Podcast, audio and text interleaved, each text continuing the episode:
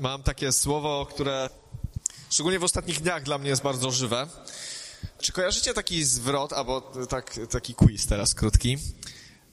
Jak najczęściej zaczynają się listy apostoła Pawła do różnych zborów? No nie do wszystkich, ale do większości. Czego on im życzy? Nie wiem, czy kojarzycie. Czego Paweł życzy? Koryntianom, Efezjanom, Galacjanom, Tesaloniczanom. To jest zawsze pierwsze dwa wersety każdego listu świętego Pawła. Tak. Niech łaska i pokój wam towarzyszy, tam w różnych odmianach. Niech wam towarzyszy łaska i pokój, niech będzie waszym udziałem. Każdy list zaczyna się takimi pozdrowieniami, takimi życzeniami, czyli ja odbieram to tak, że apostoł Paweł życzy z głębi serca wszystkim ludziom, do których pisze, wierzącym, żeby ich codziennością każdego dnia była łaska i pokój, żeby w tych dwóch rzeczach funkcjonowali codziennie. To nie jest przypadek, że pisze to prawie to do każdego kościoła. Niech łaska i pokój będzie w waszym życiu codziennie. Niech będzie nieustanny, niech to będzie coś, w czym funkcjonujecie i żyjecie, nie okazjonalnie od czasu do czasu, ale niech wam będą, niech wam cały czas towarzyszą. I chciałem dzisiaj chwilę e, powiedzieć, e, trochę powiedzieć o pokoju. Czym jest pokój? Czym dla mnie jest pokój? Czym jest pokój dla, dla, dla chrześcijanina? Żyjemy w takich czasach, to też łatwo teraz zauważyć, że no nie ma za bardzo pokoju. Pokój możemy rozumieć w dwóch takich aspektach i pewnie w, tych, w, tych, jakby w tej okolicy będę się poruszał. W sensie politycznym, czym jest pokój? Pokój to jest brak wojny, to jest ustanie konfliktu, to jest brak stanu jakiejś wzajemnej agresji, wrogości. Kiedy następuje pokój, to obydwie strony odkładają broń. Następuje cisza, uspokojenie, ale pokój też w takim sensie spokoju, uspokojenia, takiego, takiej ciszy, odpocznienia, braku nerwów, stresu, bojaźni. To jedno z drugim się wiąże bardzo mocno, dlatego że kiedy ludzie się już wzajemnie nie zabijają i nie mordują, no to mogą odpocząć. W końcu mogą przestać się bać, w końcu mogą spokojnie usiąść i odpocząć. I to jest coś bardzo ważnego. I dzisiaj żyjemy w świecie, w którym ten pokój w obydwu tych aspektach jest jest czymś, czego ludzie pragną, potrzebują. Jesteśmy bombardowani różnymi informacjami i wiadomościami. Trzy tygodnie temu prawie wybuchła, czy tam cztery, prawie wybuchła trzecia wojna światowa, tak? Bo Stany Zjednoczone zbombardowały tam, zabiły jakiegoś generała irańskiego. Więc świat już drżał, wszyscy się bali, co się za chwilę wydarzy. Chwilę później epidemia w Chinach. E, nie wiadomo, jak to się dalej potoczy, nie wiadomo, jak to, jak to, jak to zadziała. Ja szczególnie jakby w tym temacie jakby jestem cały czas bombardowany, bo pracuję w firmie, która sprowadza towar e, z Chin, więc dla nas tam każde przesunięcie, każdy dzień to są nerwy, stres, e, pieniądze, które tam są tracone, bo Chiny nie funkcjonują. I nie ma pokoju, nie ma czegoś takiego, że można sobie przeczytać wiadomości, Zresztą wiadomości się tym cechują, że nam się nie podaje dobrych wiadomości, tylko złe, bo chodzi o to, żeby ludzie do tego wracali. Ale ogólnie rzecz biorąc, jak nie, jak nie konflikt w Afryce, to konflikt w Azji. Cały czas wszystko jest y, zaognione na Bliskim Wschodzie, teraz epidemia w Chinach. Ludzie nie są pewni i nie są spokojni. Jakieś ataki hakerskie, Rosja. Wiecie, chodzi mi o to, że żyjemy w świecie, w którym nie można sobie powiedzieć odpocznę i nie będę się tym wszystkim przejmował jest to trudne. Bez Boga jest to wręcz e, niemożliwe. I pokój jest czymś bardzo cennym dzisiaj dla nas. Tak mi się wydaje, że to jest czymś bardzo oczekiwanym. Chcielibyśmy mieć w końcu spokój, w końcu odpocząć, w końcu nie bać się o przyszłość, o jutro, e, o ludzkość, e, o jakieś inne rzeczy. I świat tego desperacko poszukuje, a Słowo Boże nam mówi, że my to mamy, że to jest coś, w czym powinniśmy funkcjonować codziennie, że powinniśmy w pokoju chodzić, w pokoju i w łasce, a ja chciałbym się skupić na pokoju. Mam takie mm, dwa aspekty, które chciałbym poruszyć pokoju. Pierwszy aspekt to jest taki e, jakby wspólnotowy, społeczny. List do Efezjan, drugi rozdział 13, od 13 wersetu, 13 i 14 najpierw. List do Efezjan, drugi rozdział, 13 i 14 werset. Jednak teraz, w Chrystusie Jezusie, wy, którzy niegdyś byliście daleko, staliście się bliscy, dzięki krwi Chrystusa. On bowiem jest naszym pokojem, on z dwóch grup ludzi uczynił jedną, gdy kosztem swego ciała usunął wrogość, mur podziału, który je rozdzielał. Tutaj jest mowa o Żydach i poganach. Apostoł Paweł, Efezjanie byli Grekami z pochodzenia, więc jest to list jakby do, do ludzi, którzy byli chrześcijanami, ale z pogan. I tłumaczy im taką rzecz, która w tamtych czasach była bardzo ważna dla pierwszego kościoła, relacji na, na, na linii chrześcijanie nawróceni z pogan i chrześcijanie nawróceni z judaizmu, znaczy z judaizmu, Żydzi, nawróceni Żydzi, którzy czcili prawo mojżeszowe. Dla nas dzisiaj nie jest to jakaś taka bardzo ostra granica. My nie widzimy tego konfliktu, ale Żydów w tamtych, czas, w tamtych czasach i pogan w tamtych czasach różniło, nie powiem wszystko, ale różniło prawie wszystko. Zasadniczo to były dwie zupełnie różne kultury, dwa zupełnie różne sposoby myślenia. Już nie mówię o religii, która była zupełnie inna. Żydzi wierzyli w Boga jedynego, Grecy wierzyli w wielu bogów. Zasadniczo jesteśmy ukształtowani nie tylko przez to, co my osobiście myślimy, albo nawet inaczej. Nam się wydaje, że to jest nasze zdanie, ale nasze zdanie jest ukształtowane przez kulturę, przez wychowanie, przez naszą rodzinę. Często przypisujemy sobie, że to są nasze poglądy, nasze myślenie, ale tak bardzo często to jakby pewne rzeczy wyciągamy z naszego wychowania, z naszego życia, z kraju, w którym żyjemy, przesiąkamy pewnymi wartościami. Oczywiście nie wszystko, ale bardzo duża część naszego, naszego światopoglądu to jest to, co wynieśliśmy od poprzednich pokoleń chociażby. I pierwszy kościół miał bardzo duży kłopot, bo byli ludzie, którzy się nawrócili z pogan i byli Żydzi. I jedni i drudzy wcześniej, przed nawróceniem, przed poznaniem Boga, nie za bardzo się lubili. E, w świecie starożytnym, i to jest potwierdzone w wielu różnych, e, wielu różnych źródłach, e, Żydzi już mieszkali w zasadzie na całym basenie Morza Śródziemnego. Po prostu Palestyna była za mała. Żydzi wyjeżdżali i była bardzo duża gmina w Rzymie, bardzo duża gmina w Tarsie, wielka gmina w Aleksandrii egipskiej i tam to była prawie połowa miasta. I Żydzi wszędzie, gdzie mieszkali, byli odseparowani troszeczkę od ludności, która, e, z którą mieszkali. W tym sensie nie, że specjalnie, ale ich obyczaje, ich kultura, ich religia sprawiały, że Grecy nie traktowali ich poważnie. Myśleli, że to są jakieś dziwacy. Jak można wierzyć w jednego Boga? Jak można być takim radykalnym? Jak można przestrzegać pisma? Mieli zupełnie inne podejście do religii i nie za bardzo przepadali za, e, za Żydami. Na przykład Aleksandria Egipska jest takim dobrym przykładem, gdzie były co chwilę konflikty, takie wręcz małe wojny domowe w mieście, gdzie Żydzi po prostu bili się e, z Grekami. To było ciągłe, ciągłe napięcie na, na różnym poziomie. Ale Grecy, ale Żydzi też nie przepadali za Grekami. Uważali, że to jest pogaństwo, że to jest złe, e, że są bezbożnikami, że nie przestrzegają zakonu, że oni są narodem wybranym, a tamci nie są narodem wybranym, więc trochę traktowali ich z góry. Więc nie było tam, e, delikatnie rzecz mówiąc, chemii między tymi dwoma grupami. I Paweł pisze do Efezjan, i tu pisze do Greków, że wy, którzy byliście, byliście niegdyś daleko, staliście się bliscy dzięki krwi Chrystusa. Kiedy została zwiastowana Ewangelia, kiedy Piotr pierwszy raz y, głosił poganom. To jest też takie ciekawe zjawisko, że kiedy Piotr głosił y, w domu Korneliusza i Pan Bóg musiał go aż widzeniem przekonać, żeby poszedł do tego Korneliusza, bo przecież by nie poszedł jako ten prawdziwy Żyd, który nie wejdzie do domu poganina i nie będzie z nim jadł.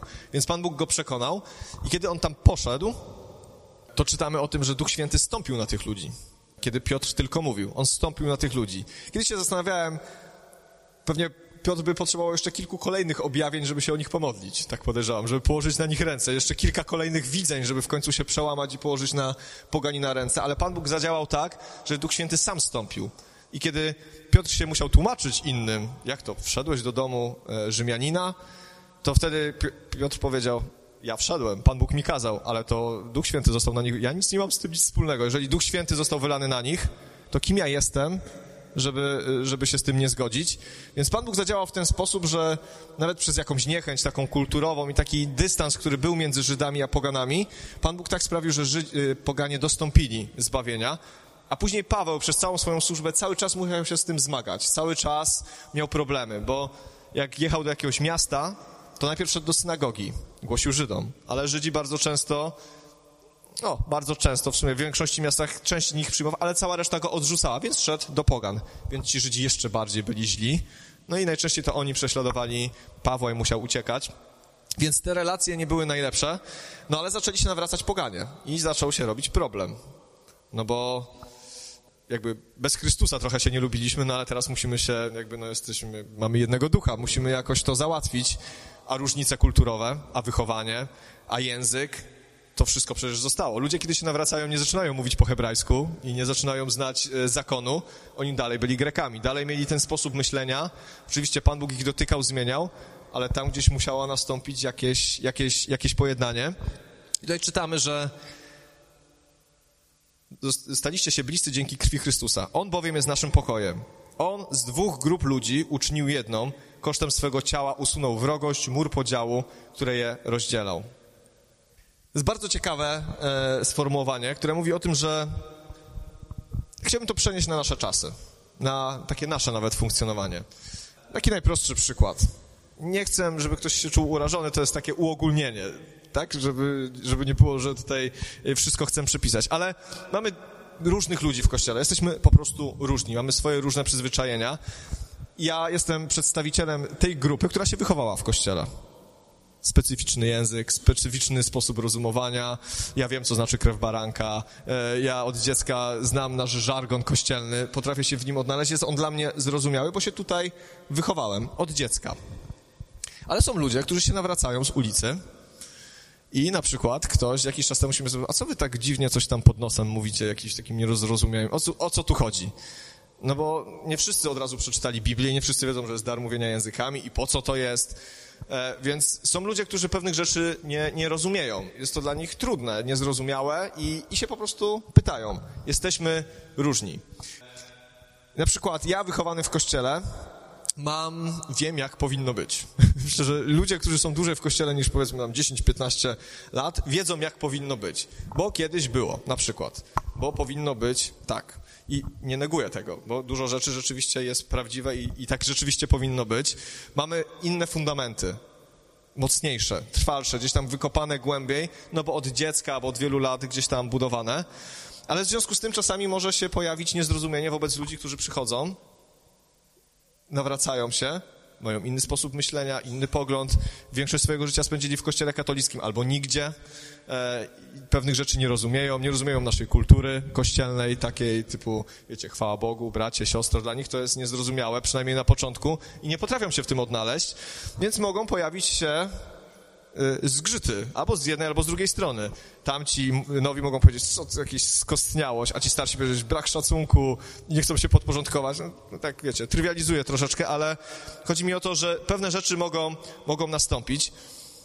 Ale to jest tylko taki przykład jakby pod względem, jak długo ktoś jest w kościele. Ale to mogą być poglądy nasze teologiczne, to może być nasze podejście do wielu różnych spraw, to może być nasze...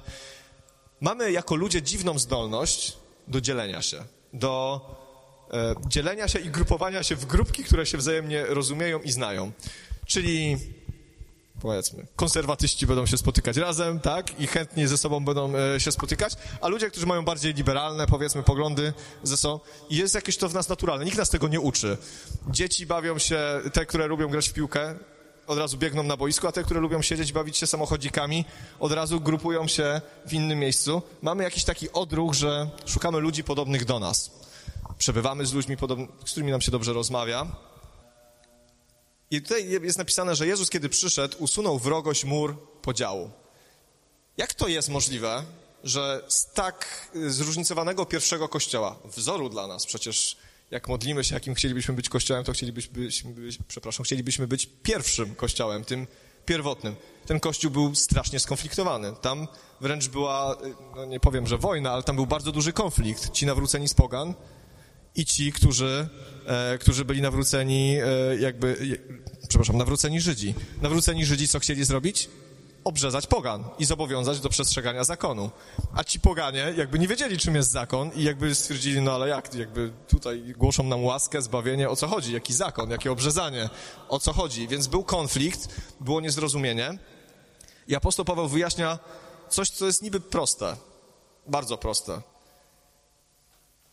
jeżeli pokój jest stanem braku wojny, brakiem konfliktu, to Jezus przyszedł i usunął wrogość, mur podziału. Jezus jest tym, który łączy ludzi. E, Jezus jest tym, który sprawia, że coś, co jest niemożliwe na poziomie ludzkim, na poziomie poglądów, na poziomie wychowania, staje się nagle możliwe. jak to jest możliwe? Od 15 do 16 wersetu. On zniósł prawo oparte na przykazaniach, by, by wnosząc pokój, stworzyć w sobie samym z dwóch jednego nowego człowieka i obu pojednać z Bogiem w jednym ciele przez krzyż, na którym zniszczył wrogość. On zniósł prawo oparte na przykazaniach. Czyli pierwsze, co Jezus zrobił, to przyszedł z łaską. To w nim jest zbawienie. Zmienił się zmieniła się zasada. Zbawienie nie jest i łaska nie jest przez przestrzeganie przykazań, przez praworządność taką literalną. Zbawienie jest przez Chrystusa, przez wiarę w Chrystusa, więc to się zmieniło, wniósł pokój i przez to mógł stworzyć z dwóch różnych ludzi jednego człowieka. Ale to, co jest tutaj najważniejsze, to jest ten werset 16. I obu pojednać z Bogiem. Obu pojednać z Bogiem. Jak Grek z Żydem, ludzie, którzy totalnie inaczej myślą, inaczej zostali wychowani, w innej kulturze, w innym języku, w innych obyczajach, co jest w stanie ich połączyć i sprawić, że z dwóch staje się jeden człowiek? Ja, ja jestem bardzo kiepski z matematyki, ale wiem, że jak się robiło coś z ułamkami, jak ktoś jest na bieżąco, to może mi powiedzieć, tutaj patrzę na was, to się sprowadzało ułamki do wspólnego mianownika, tak? O, dobrze kojarzę, tak? Więc musimy sprowadzić Żyda i Greka do wspólnego mianownika. mianownika. Jaki jest wspólny mianownik? List do Rzymian, apostoł Paweł. Wszyscy zgrzeszyli. Nie ma ani jednego, kto by dobrze czynił. Tutaj jest napisane, że Chrystus obu pojednał z Bogiem w jednym ciele przez krzyż. To, co wspólny mianownik dla Żyda, Greka, człowieka od 20 lat w kościele, człowieka dwa miesiące w kościele, człowieka, który jest genialnym teologiem i człowiekiem, który wyrywa wersety z kontekstu, co jest wspólnym mianownikiem? Wspólnym mianownikiem jest krzyż. To, co nas łączy, to to, że jesteśmy zbawionymi grzesznikami. Nieważne, czy jesteś Grekiem, czy Żydem, nieważne, czy jesteś mądry, czy nie, czy jesteś wykształcony, czy nie, i tak dalej, i tak dalej. To, co łączy ludzi dzisiaj w Kościele, to jest to, że są, że wszyscy jesteśmy zbawionymi grzesznikami. To, co nas łączy, to krzyż. To, że każdy z nas musiał w pewnym momencie doświadczyć Bożej miłości inteligentny tak samo jak mniej inteligentny, wykształcony tak samo jak mniej wykształcony, bo zbawienie jest z łaski. Wszyscy w pewnym momencie musieliśmy przyjść przez krzyż Chrystusa i powiedzieć: Jestem grzesznikiem, potrzebuję zbawienia, potrzebuję ratunku, nie poradzę sobie sam. I to jest coś, co sprawia, że z dwóch różnych ludzi może stać się jeden człowiek. Zupełnie różny na poziomie intelektu. Jeżeli Kościół, jeżeli ludzie wierzący stracą sprzed oczu krzyż, stracą sprzed oczu Chrystusa, stracą sprzed oczu zbawienie, pokutę i przebaczenie grzechów, to się zaczynają kłócić. To zaczynają się awanturować, to zaczynają jeden na drugiego. A dlaczego? Dlatego, że to, co nas łączy, to krzyż. My jesteśmy absolutnie różni. Nawet tutaj. Ja, nie ma tutaj dwóch, pod... dwie podobne osoby może są, ale, ale dwóch identycznych na pewno nie ma. Mamy różne rzeczy przeżyliśmy, różne rzeczy nas kształtowały, różne rzeczy sprawiały, że jesteśmy tym, kim jesteśmy, ale to, co nas dzisiaj łączy i dlaczego tu dzisiaj jesteśmy, bo przyszliśmy spotkać się z Bogiem. Przyszliśmy dlatego, że z Biblii napisane, nie opuszczajcie wspólnych zgromadzeń. Przyszliśmy dlatego, że potrzebujemy spotkać się z Chrystusem i z sobą nawzajem i to nas łączy. Pewnie gdybyśmy, gdybym rzucił temat w czwartek, że dzisiaj porozmawiamy o uzdrawianiu chorych, że każdy ma uzdrawiać chorych, to podejrzewam, że byłoby nas chyba mniej, tak mi się wydaje. Albo jakiś inny taki bardziej skomplikowany, o nauczaniu kobiet, o na przykład. E, to myślę, że może no, tu mogłoby nas być na przykład więcej, tak? Żeby, ale chodzi mi o to, że są rzeczy, które sprawiają, że nie do końca wprowadzają pokój, ale Chrystus wprowadza pokój. Kiedy my szukamy Chrystusa, ja to widzę w moim życiu. Kiedy jestem bliżej Chrystusa, to łatwiej jest mi kogoś tolerować. Łatwiej jest mi nawet się z kimś nie zgadać, ale go kochać. Łatwiej jest mi e, znieść nawet jakąś obelgę, obrazę, nie wiem. Jest mi po prostu łatwiej. Jestem w stanie to zrobić, bo jestem blisko Boga. Ale kiedy się oddalę, kiedy sobie poluzuję, to nagle się okazuje, że wszystko mnie drażni. Każdy, każda najmniejsza różnica zdań jest dla mnie wielką różnicą zdań, o którą będę się kłócił z kimś. I, I ja to widzę w moim życiu. Widzę, że moja bliskość od Chrystusa, moja bliskość mojego życia do krzyża od razu odbija się na moich relacjach, na moim poglądzie, na moim postrzeganiu świata. Więc dla mnie to jest bardzo pocieszające słowo, które Jezus mówi, że Paweł mówi. Kosztem swego ciała usunął wrogość mur podziału, który je rozdzielał. Usunął wrogość. Jest taki piękny fragment w dziejach apostolskich, kiedy Piotr z Barnabą jadą do Jerozolimy wyjaśnić w końcu ten temat zebrał się cały kościół, zebrali się starsi w Jerozolimie i zaczęli rozmawiać, co zrobić. Mieli swoje poglądy, bo tam byli ludzie, którzy uważali, że trzeba obrzezać wszystkich pogan. Byli tam ludzie, którzy uważali, że, tak jak Paweł z Barnabą, że nie, nie trzeba ich obrzezywać, że wystarczy łaska. I zaczęli rozmawiać. Ale bardzo mi się podoba to, oni tam mieli jakieś swoje ustalenia, że nie trzeba obrzezywać pogan, żeby się tylko wstrzymywali od krwi, od tego, co uduszone. Ale tam jest jeden fragment, który mówi, postanowiliśmy, Duch Święty i my. Postanowiliśmy Duch Święty. Co ich połączyło? Kto ich połączył? Duch Święty. Bóg ich połączył. Byli w stanie dojść do porozumienia, dlatego że zależało im na Kościele, zależało im na Bogu. Tam nie chodziło o to, kto wygra, kto będzie miał rację, kto, kto przepchnie swoją opcję. Postanowiliśmy Duch Święty i my. I to przyniosło owoc. To, to przyniosło eksplozję Y, Ewangelii. To sprawiło, że Ewangelia zaczęła się rozrastać dynamicznie, dlatego że poganie poczuli, że są częścią Kościoła, że już nie są jakimiś gorszymi braćmi, że nie są kimś gorszym niż ci nawróceni Żydzi. Poczuli, że są tak samo dziećmi bożymi jak tamci Żydzi i poszli w świat, poszli nieść tą Ewangelię, poszli, poszli nieść dobrą nowinę, bo zostali uwolnieni. Więc myślę, że pokój ma taki, jest bardzo ważny w kontekście społecznym, naszym, takim wspólnotowym, że jeżeli jesteśmy blisko Boga, jeżeli trzymamy się Jego, mamy pokój między sobą. Jeżeli coś przestaje, pokój znika, to wiemy, gdzie szukać. Trzeba przyjść przed Boże oblicze, trzeba po prostu się ukorzyć, trzeba szukać Boga. To jest banalne, niby i proste, ale jak, jakże trudne w takim ludzkim postępowaniu, bo to wymaga czego? Naszego uniżenia. To wymaga przyjścia i powiedzenia, Boże, nie mam pokoju, coś się zburzyło, nie mam pokoju z moim bratem, z moją siostrą, mam jakiś problem i nie potrafię tego załatwić ale kiedy przychodzimy razem, albo modlimy się o drugą osobę, albo, albo przychodzimy do Boga z tą relacją, Pan Bóg to uzdrawia i przynosi pokój, zabiera, usuwa wrogość.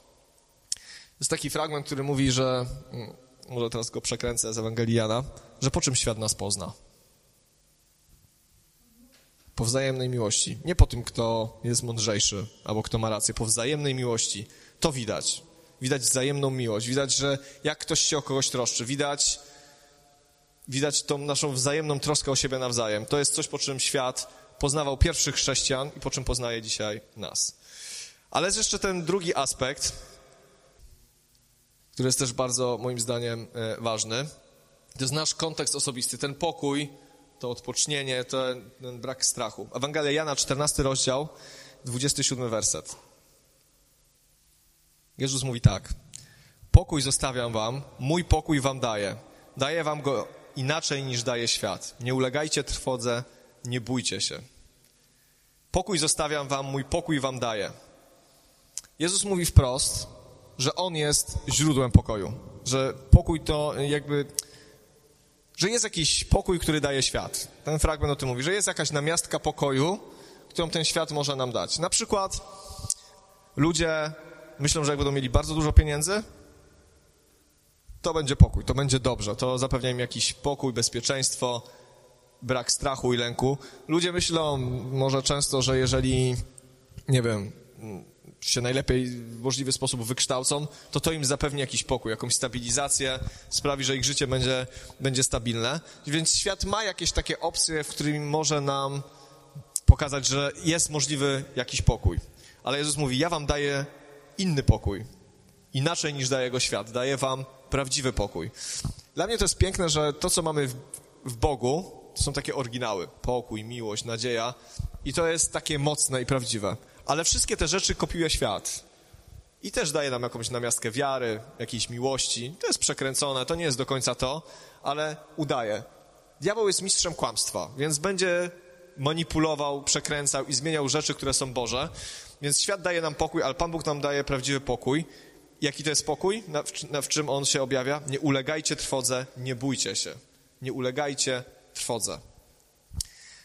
Jak właśnie myślę o tym koronawirusie teraz w Chinach, jako przykład, nie wiadomo jak to tam się potoczy i o co tam tak naprawdę chodzi, ale fakt jest taki, że, że ludzie panikują. My na przykład w sklepie sprzedajemy takie maseczki. E, wyobraźcie sobie, że nie można nigdzie tego kupić już. Nigdzie. W Chinach nie ma tych maseczek. Nie ma ich już chyba nigdzie. Po prostu ludzkość wykupiła takie maseczki ochronne. Po prostu nie można. Dlaczego? Ludzie się boją. Nie ma tego w Polsce, ale w Polsce już tego się nie da kupić. Po prostu jakby już wszystko jest wysprzedane prawie.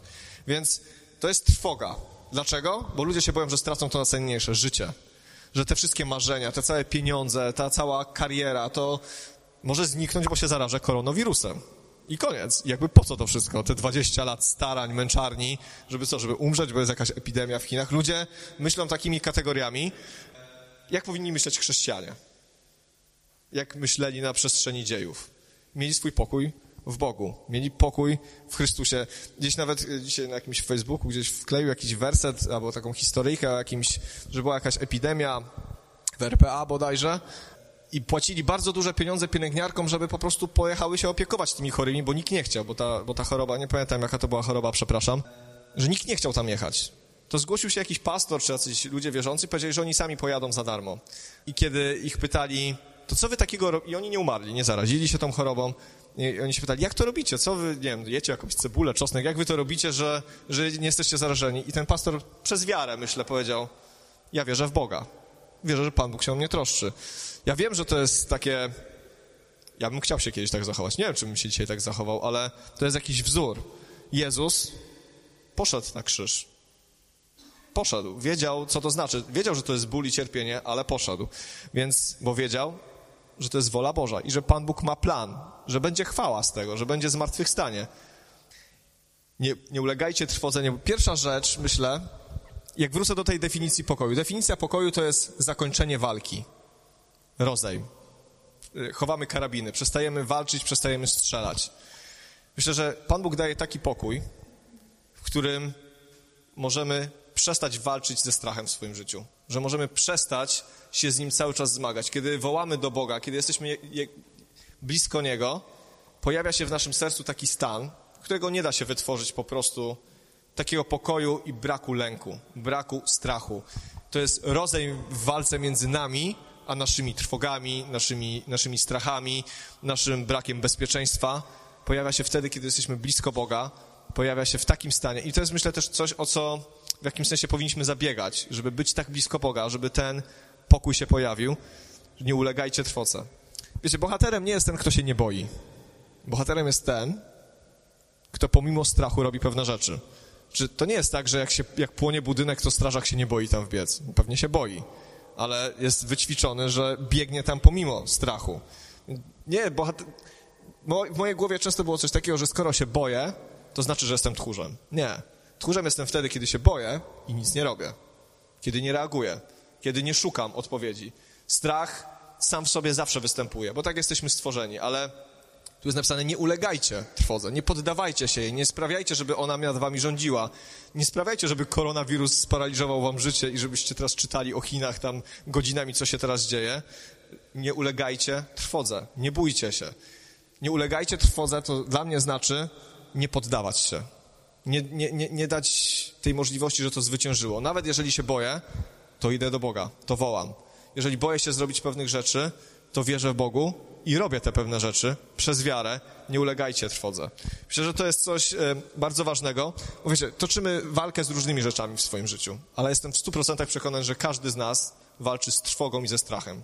O różne rzeczy. O zdrowie, o tym, co będzie jutro, o pieniądze, o finanse, o nasze dzieci, o naszych e, rodziców, o zdrowie innych ludzi to jest taka walka, którą toczymy codziennie. To nie jest coś, co toczymy raz do czasu. Pewnie codziennie rano mamy jakieś trwogi i strachy, a Jezus nam przyszedł i powiedział, ja wam daję pokój, nie ulegajcie trwodze. Nie ulegajcie. Przyjdźcie do mnie, ja jestem źródłem, źródłem pokoju. Jeszcze jeden werset, się rozgadałem. 16 rozdział Ewangelii Jana, 33 werset. Powiedziałem wam o tym, abyście we mnie mieli pokój. Abyście we mnie mieli pokój. Czyli pokój mamy tylko i wyłącznie w. Ten prawdziwy pokój. Ja nie mówię o takim pokoju, takiej ułudzie, że jak będę miał na koncie odpowiednią dużą ilość oszczędności, to jestem spokojny. Prawdziwy pokój daję wam ja, prawdziwy pokój macie we mnie.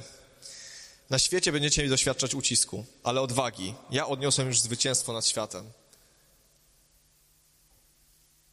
Będziecie doświadczać ucisku. Będziemy doświadczać strachu. Będziemy doświadczać lęku. Rzeczy będą nam się wymykać z rąk. I to jest pewne, bo tak na takim świecie żyjemy. Będziemy popełniać błędy, będziemy później za nie ponosić konsekwencje, ale tu jest napisane, ale odwagi, ja odniosłem już zwycięstwo nad światem. Ten świat jest wrogi nam jako ludziom wierzącym. Jest wrogi swoim światopoglądem, podejściem, kultem, tym wszystkim, co jest wokół, to wszystko jest przeciwko chrześcijaństwu. Jesteśmy, idziemy totalnie pod prąd. Ja mam wrażenie, że im bardziej poznaję moich ludzi w pracy, tym bardziej mam świadomość, że po prostu totalnie mam inny światopogląd prawie we wszystkim. Prawie, no bo nie we wszystkim, ale prawie we wszystkim mamy zupełnie inne spojrzenie. A jeszcze bardziej jestem przerażony tym, że to nie jest pogląd moich znajomych w pracy, bo oni są dziwni. To jest pogląd, który jest dzisiaj w mediach, w telewizji, w książkach, w prasie, w tym wszystkim, co do nas dociera. To jest przeciwko Chrystusowi. I tu jest napisane, że na świecie będziecie doświadczać ucisku. Więc nie łudźmy się. Będziemy doświadczać ucisku, ale jest coś, co jest e, niesamowicie ważne, co się wiąże z tym, że we mnie macie pokój, ale odwagi ja odniosłem już zwycięstwo nad światem. Kiedy siostra Alicja pokazała mi ten werset, że to, co zwyciężyło świat, e, przepraszam, to, co się narodziło z ducha, zwyciężyło świat, to takie miałem potwierdzenie, że to, o tym mam dzisiaj powiedzieć, bo wiecie, to jest bardzo ważne, kiedy, kiedy jakby wbrew okolicznościom wyznajemy, kim jest Bóg dla nas. Kiedy wbrew okolicznościom wyznajemy, wtedy tak naprawdę okazuje się, czy jesteśmy wierzący. Kiedy przeciwności są niesprzyjające, to czy idziemy do Boga, czy szukamy pokoju, czy szukamy odpocznienia, czy szukamy tego, co jest irracjonalne w oczach tego świata, czy się poddajemy i płyniemy z nurtem. E, pokój jest czymś bardzo ważnym dla nas. Myślę, że pokój daje taką stabilizację, takie poczucie, że takie codzienne poczucie, że Pan Bóg jest blisko, tuż obok. Że to nie jest... Wiecie, dary Ducha Świętego są bardzo ważne, ja pragnę je widzieć i oglądać. Ale kiedy idę do pracy, kiedy jadę samochodem, kiedy coś mi tam się źle napisze w pracy, kiedy, wiecie, popełnię jakiś błąd, kiedy ogólnie jest jakaś presja nade mną, czego ja potrzebuję najbardziej? Potrzebuję Bożego pokoju, potrzebuję tej pewności, że Pan Bóg jest tuż obok mnie i się zatroszczy. I żeby w tym chodzić, bardzo mi się to podoba, abyście we mnie mieli pokój. Lubię te sformułowania, kiedy Jezus mówi ode mnie, we mnie. To wszystko powoduje, że wiecie, że to nie jest przelew gdzieś z daleka, że to nie jest SMS, to jest taka relacja twarzą w twarz. Takie przyjmowanie czegoś z ręki do ręki, takie, wiecie, patrzenie sobie twarzą w twarz i, po, i poszukiwanie u kogoś otuchy. Zachęca mnie to do szukania jeszcze bardziej Boga. W tym zwariowanym świecie, który nie ma pokoju, w którym jesteśmy bombardowani tyloma informacjami, żeby nas wybić, zdenerwować, spanikować, my jako ludzie wierzący mamy ten dar, że możemy przyjść do dawcy pokoju, do księcia pokoju i zupełnie wbrew temu wszystkiemu, co się dzieje, odpocząć, mieć pokój w Bogu, wiedzieć, kim jesteśmy, dokąd zmierzamy, że On jest przy nas. Wiecie, dla mnie, mnie to pociesza, kiedy myślę o tym sobie, że Pan Bóg może przyjść w każdej chwili, że Chrystus może przyjść po Kościół. Naprawdę jakoś znikają mi zmartwienia związane, nie wiem, z moją chorobą, z jakimiś innymi rzeczami, bo wiem, że Chrystus może przyjść. I to napawa mnie nadzieją, to mi daje pokój.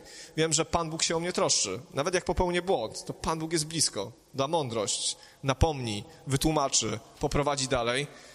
Ja potrzebuję Bożego pokoju, bardzo potrzebuję Bożego pokoju w moim osobistym życiu, ale potrzebujemy też Bożego pokoju w relacjach między sobą. Potrzebujemy, żeby ten pokój, który jest nam dany, był w naszym życiu czymś realnym.